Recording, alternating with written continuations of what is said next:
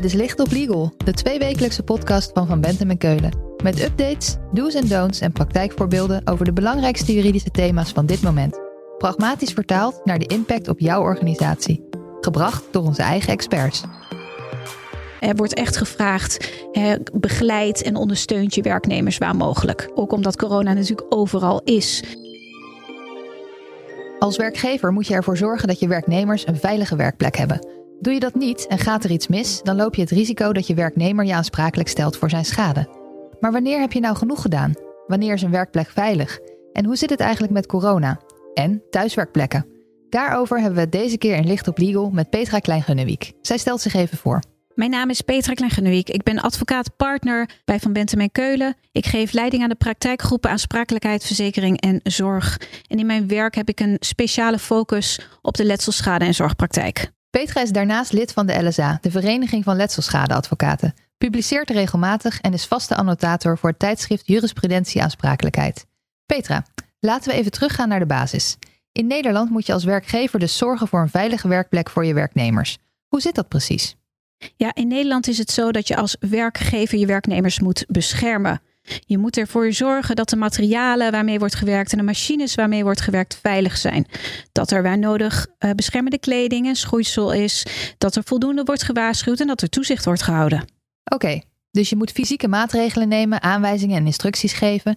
Maar als je dat niet doet en er gaat iets mis, betekent dat dan dat je meteen moet betalen? Nee, dat hoef je niet. Uh, het is in Nederland zo dat het niet automatisch zo is dat een werkgever aansprakelijk is. Het is geen risicoaansprakelijkheid voor een werkgever.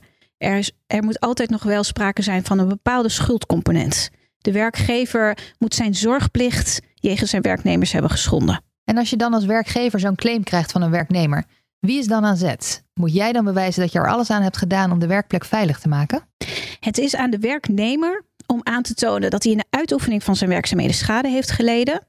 En vervolgens is het aan de werkgever om dan bewijs te leveren dat hij aan zijn zorgplicht heeft voldaan. Duidelijk.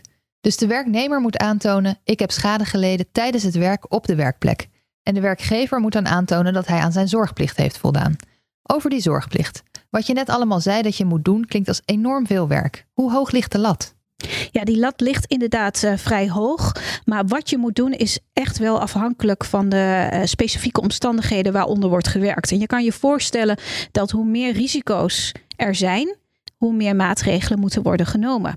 Het is dus enorm casuïstisch. Zit je medewerker de hele dag achter een laptop, dan wordt er minder verwacht dan als hij met een cirkelzaag in de houtschuur werkt. Zou je eens een voorbeeld kunnen geven? Ja, dat, uh, een, voorbeeld uit de praktijk is bijvoorbeeld een uh, medewerker uh, in een fabriekshal die een persmachine bedient. Een persmachine waarmee klinknagels worden bewerkt. En die persmachine kan deze medewerker bedienen met een voetpedaal. En um, op enig moment wil deze werknemer pauze gaan nemen. Hij staat op uit zijn stoel. En uh, dan gebeurt het dat hij per ongeluk met zijn voet dat pedaal aanraakt. En dat pedaal is niet beschermd tegen ja, onbedoelde aanraking. En uh, daardoor maakt de machine een slag. En omdat hij op dat moment nog met zijn hand bij die machine zit, zorgt dat ervoor dat zijn, een van zijn vingers bekneld raakt en daardoor geamputeerd wordt. En daarvan zegt de rechter dan, de werkgever had meer moeten doen om dat te voorkomen. Ja, en in, dit geval was de inspectie SZW ter plekke gekomen. Uh, en de inspectie SZW kennen we misschien beter als, uh, vroeger noemden we dat de arbeidsinspectie. En die, uh, die hebben een onderzoek verricht en die gaven ook aan, ja, werkgever, jij hebt uh, de Arbo-wetgeving geschonden. Want specifiek in de wet is vastgelegd dat uh, bij machines met bewegende delen er uh, beschermende kappen of iets dergelijks moeten worden aangebracht. En dat heb je hier niet gedaan. Dus je hebt daar, he, daar is sprake van een schending van de Arbo-wetgeving. Duidelijk. Dus in dat geval is niet aan de zorgplicht voldaan. Maar in het voorbeeld gaat het, neem ik aan, om een professional. Je mag verwachten dat die weet hoe hij moet weglopen bij die persmachine. Het klinkt dan bijna alsof je werknemers als een soort kleuters bij de hand moet nemen. Wat mag je van werknemers zelf verwachten? Ja, je mag echt wel wat van ze verwachten, maar als werkgever moet je ook uh, rekening houden met de iets wat onoplettende en onvoorzichtige werknemer. Want als je, zoals je zegt, uh, ieder dag, dag in dag uit dat werk doet, word je soms wel wat onvoorzichtiger. Net zoals deze uh, werknemer die tijdens het opstaan uit die stoel per ongeluk zijn voet met zijn voet de pedaal raakt. En uh, misschien nog wel een ander uh, goed voorbeeld is een, een werknemer die buiten een sigaretje rookt, via een achteringang het pand weer betreedt en daarbij struikelt over een kabelgoot van 10 centimeter hoogte. En de werkgever daarvoor aansprakelijk stelt. En dan zegt de werkgever: Ja, maar ik heb gewoon een officiële ingang met looproutes. Dat heb je niet gedaan. Ik had verboden om via die achteringang naar binnen te gaan. Dat heb je toch gedaan. Nou, en dan zegt de rechter in deze uitspraak: Werkgever, jij uh, was bekend met het feit dat werknemers deze achteringang ook gebruikten. En um, dan is het eigenlijk bepaalde praktijk geworden. En als werknemers deze ingang vaker gebruiken, ja, kunnen ze dus onvoorzichtig worden. En deze kabelgoot was ja, eigenlijk niet goed genoeg zichtbaar. En uh, dan had je daar wat aan moeten doen. En je had moeten waarschuwen voor valgevaar. Heb je niet gedaan, dus je bent aansprakelijk. Oké, in dit geval zegt de rechter dus dat gebruik maken van de achteringang is dagelijkse praktijk geworden. Daar moet je als werkgever dus iets mee. Maar er moet toch een bepaalde ondergrens zijn waarvan je kan zeggen: dit is wel echt de verantwoordelijkheid van de werknemer? Ja, je hoeft als werkgever niet voor algemene gevaren te waarschuwen. En in de jurisprudentie komen we vaak de term huistuin- en keukenongeval tegen. En voor dit soort ongevallen hoef je als werkgever niet te waarschuwen. Ook daar kan ik een voorbeeld van geven. Een uh, werknemer die een opdracht krijgt uh, om een nooduitgang te sluiten, daarvoor moet hij twee treden op. En uh, bij het afdalen van die twee treden, dat was overigens te overbruggen van 23 centimeter, uh, komt hij ten val omdat hij zelf zegt dat hij de onderste tree zou hebben gemist. Uh, hij stelt zijn werkgever aansprakelijk. Het is best ernstig letsel. En dan zegt de rechter: ja, maar het betreden of afdalen van 23 centimeter twee treden, dat is niet bijzonder gevaarlijk. Daar had je als werkgever geen extra maatregelen hoeven nemen. Het is een ongelukkige samenloop. Precies. Dus de rechter zegt: je loopt thuis ook van de trap af, dan mag er van je verwacht worden dat je op je werk ook wel van de trap af kunt lopen. Om het even scherp te krijgen, wanneer heb ik nou als werkgever genoeg gedaan? Je hebt als werkgever genoeg gedaan als je er eigenlijk alles aan hebt gedaan om de risico's te voorkomen. En dan is het dus belangrijk dat je die risico's ook in kaart brengt. En als werkgever ben je uh, verplicht om een RINE op te stellen. En dat is? Een RINE is een risico-inventarisatie en evaluatie. En als je personeel in dienst hebt, dan uh, moet je dat dus opstellen. En dat mag je overigens ook zelf doen. Maar het is eigenlijk uh, een lijst, een overzicht van alle risico's binnen het werk dat in de organisatie uh, wordt gedaan. Um, maar ook een plan van aanpak hoe je dat dan gaat oplossen. Dus je moet die risico-inventarisatie maken. En je moet maatregelen nemen op grond van die inventarisatie. Klopt. En naast zo'n RINE, wat eigenlijk een, ja, een algemene eh, voorzorgsmaatregel is, is het natuurlijk ook zo dat werknemers die bij jou uh, in dienst treden, die moet je inwerken. Dus die moet je gaan instrueren, die moet je uitleg gaan geven. Dus, dus dat is een belangrijk aspect, maar niet alleen bij indiensttreding, uiteraard ook tussentijds. Je moet de werknemer bij de les houden. Dus het is belangrijk als werkgever, zeker wanneer er echt wel risico's zijn in het werk, gevaarlijk werk wordt verricht, zorg dat er uh, bij tijds uh, trainingen zijn, dat er toolbox meetingen worden gehouden. En niet onbelangrijk, zorg ervoor dat je vastlegt wie deze trainingen volgen, um, zodat je ook, ja, als het dan gebeurt en je ontvangt een aansprakelijkstelling, kan aangeven dat je de juiste instructies hebt gegeven. Je moet dus een soort paper trail opbouwen voor jezelf, zodat je kan bewijzen dat je al het nodige hebt gedaan. En hoe zit het dan met stagiaires, vrijwilligers en ZZP'ers? Want er zijn natuurlijk ook veel bedrijven die mensen inhuren.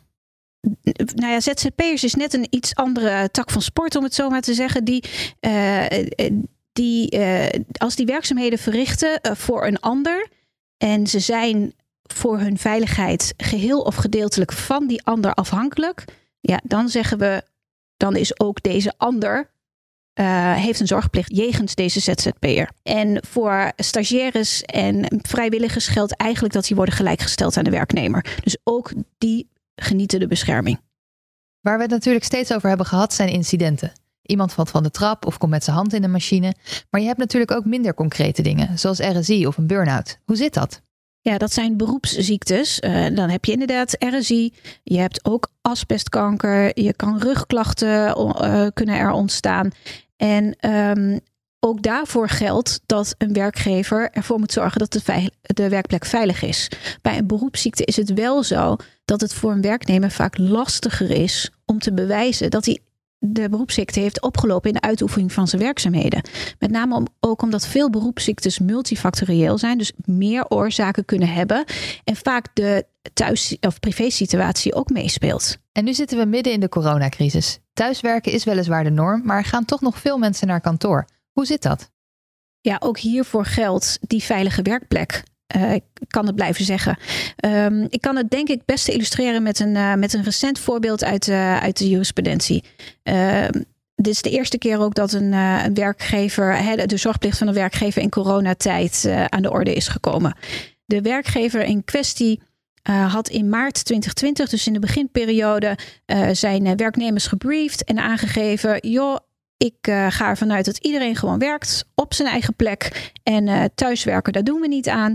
En als je vindt dat de maatregelen van de overheid uh, ertoe nopen, of dat je niet wil of kunt om, om op kantoor te komen, dan neem je maar verlofdagen op. Um, althans, dat was de strekking van het bericht.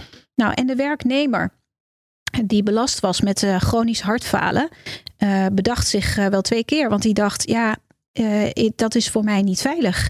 Uh, als ik word besmet, dan kan dat best grote medische consequenties voor mij hebben. Dus ik ben uiterst voorzichtig daarin. Dus zij gaf aan richting werkgever: ik wil um, uh, met alle liefde thuiswerken, ik wil aangepast werk doen, maar ik wil gewoon veilig kunnen werken. En jij biedt mij dat op dit moment niet. Uh, de werknemster was een Bali-medewerker en de Bali uh, was gepositioneerd in het kantoor op een plek waar veel collega's langs liepen. En er was geen plexiglas aangebracht. Dus voor haar was dat niet veilig. Nou, er was nog een arboarts uh, langs geweest en ook die beaamde dat het niet veilig was gemaakt. En um, de rechter in deze kwestie geeft ook aan, werkgever, uh, er zijn duidelijke richtlijnen gegeven door de overheid en door het RIVM hoe je om, hiermee om moet gaan en dat de norm in beginsel thuis zoveel als mogelijk thuiswerken is. Dus je moet je daar ook aan houden. Heel duidelijk dat de werkgever dat in dit geval niet heeft gedaan, terwijl de zorgplicht inhoudt dat hij thuiswerken mogelijk had moeten maken. Dat is natuurlijk nu ook de richtlijn van de overheid: thuiswerken. Maar hoe zit dat dan? Want in de privésfeer kan je natuurlijk relatief weinig invloed uitoefenen als werkgever. Ja, dat zou je misschien denken, maar of die werkplek nou op kantoor is of thuis, uh, hij is daarvoor uh, wel verantwoordelijk in die zin dat de werknemer een ergonomische werkplek moet hebben en daardoor op een goede en met een juiste houding moet kunnen werken. Dus op het moment dat een werknemer daarover niet beschikt, zal je die als werkgever ter beschikking moeten stellen. Je moet dus een goede thuiswerkplek faciliteren. Hoe zit het dan specifiek met de kans op corona thuis? Want dat kan je echt niet in de hand houden. Nee, dat is voor een werkgever natuurlijk heel lastig. Um, ook omdat corona natuurlijk overal is.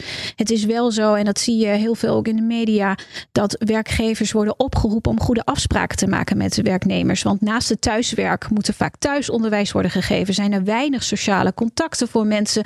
Dus het psychische problematiek uh, ligt op de loer. En er wordt echt gevraagd: he, begeleid en ondersteunt je werknemers waar mogelijk. Petra, om af te sluiten. Als bedrijf of HR-manager, wat moet ik sowieso doen?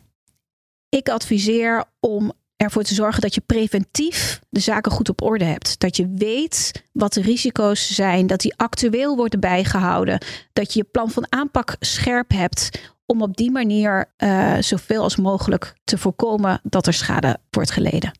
Dat is de preventieve kant. En als het dan misgaat, dan kom je bij de bedrijfsjurist terecht. Waar moet die op letten? Ja, de bedrijfsjurist moet erop letten dat het dus echt niet zo is dat er automatisch aansprakelijkheid volgt bij een arbeidsongeval. Je hebt schuld nodig, je hebt een zorgplichtschending nodig.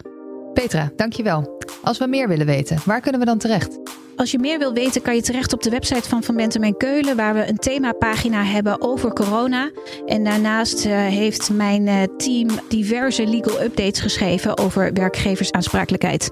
En uiteraard ben ik uh, bereikbaar op mijn e-mailadres petraklangenuik.vbk.nl. Dit was Licht op Legal, een podcast van Van Bentem en Keulen. Te beluisteren via Spotify, Apple Podcast of je eigen favoriete podcast-app. Wil je meer weten? Heb je suggesties voor een onderwerp? Of wil je dat onze experts hun licht laten schijnen op jouw juridisch vraagstuk? Laat het ons weten via lichtoplegal.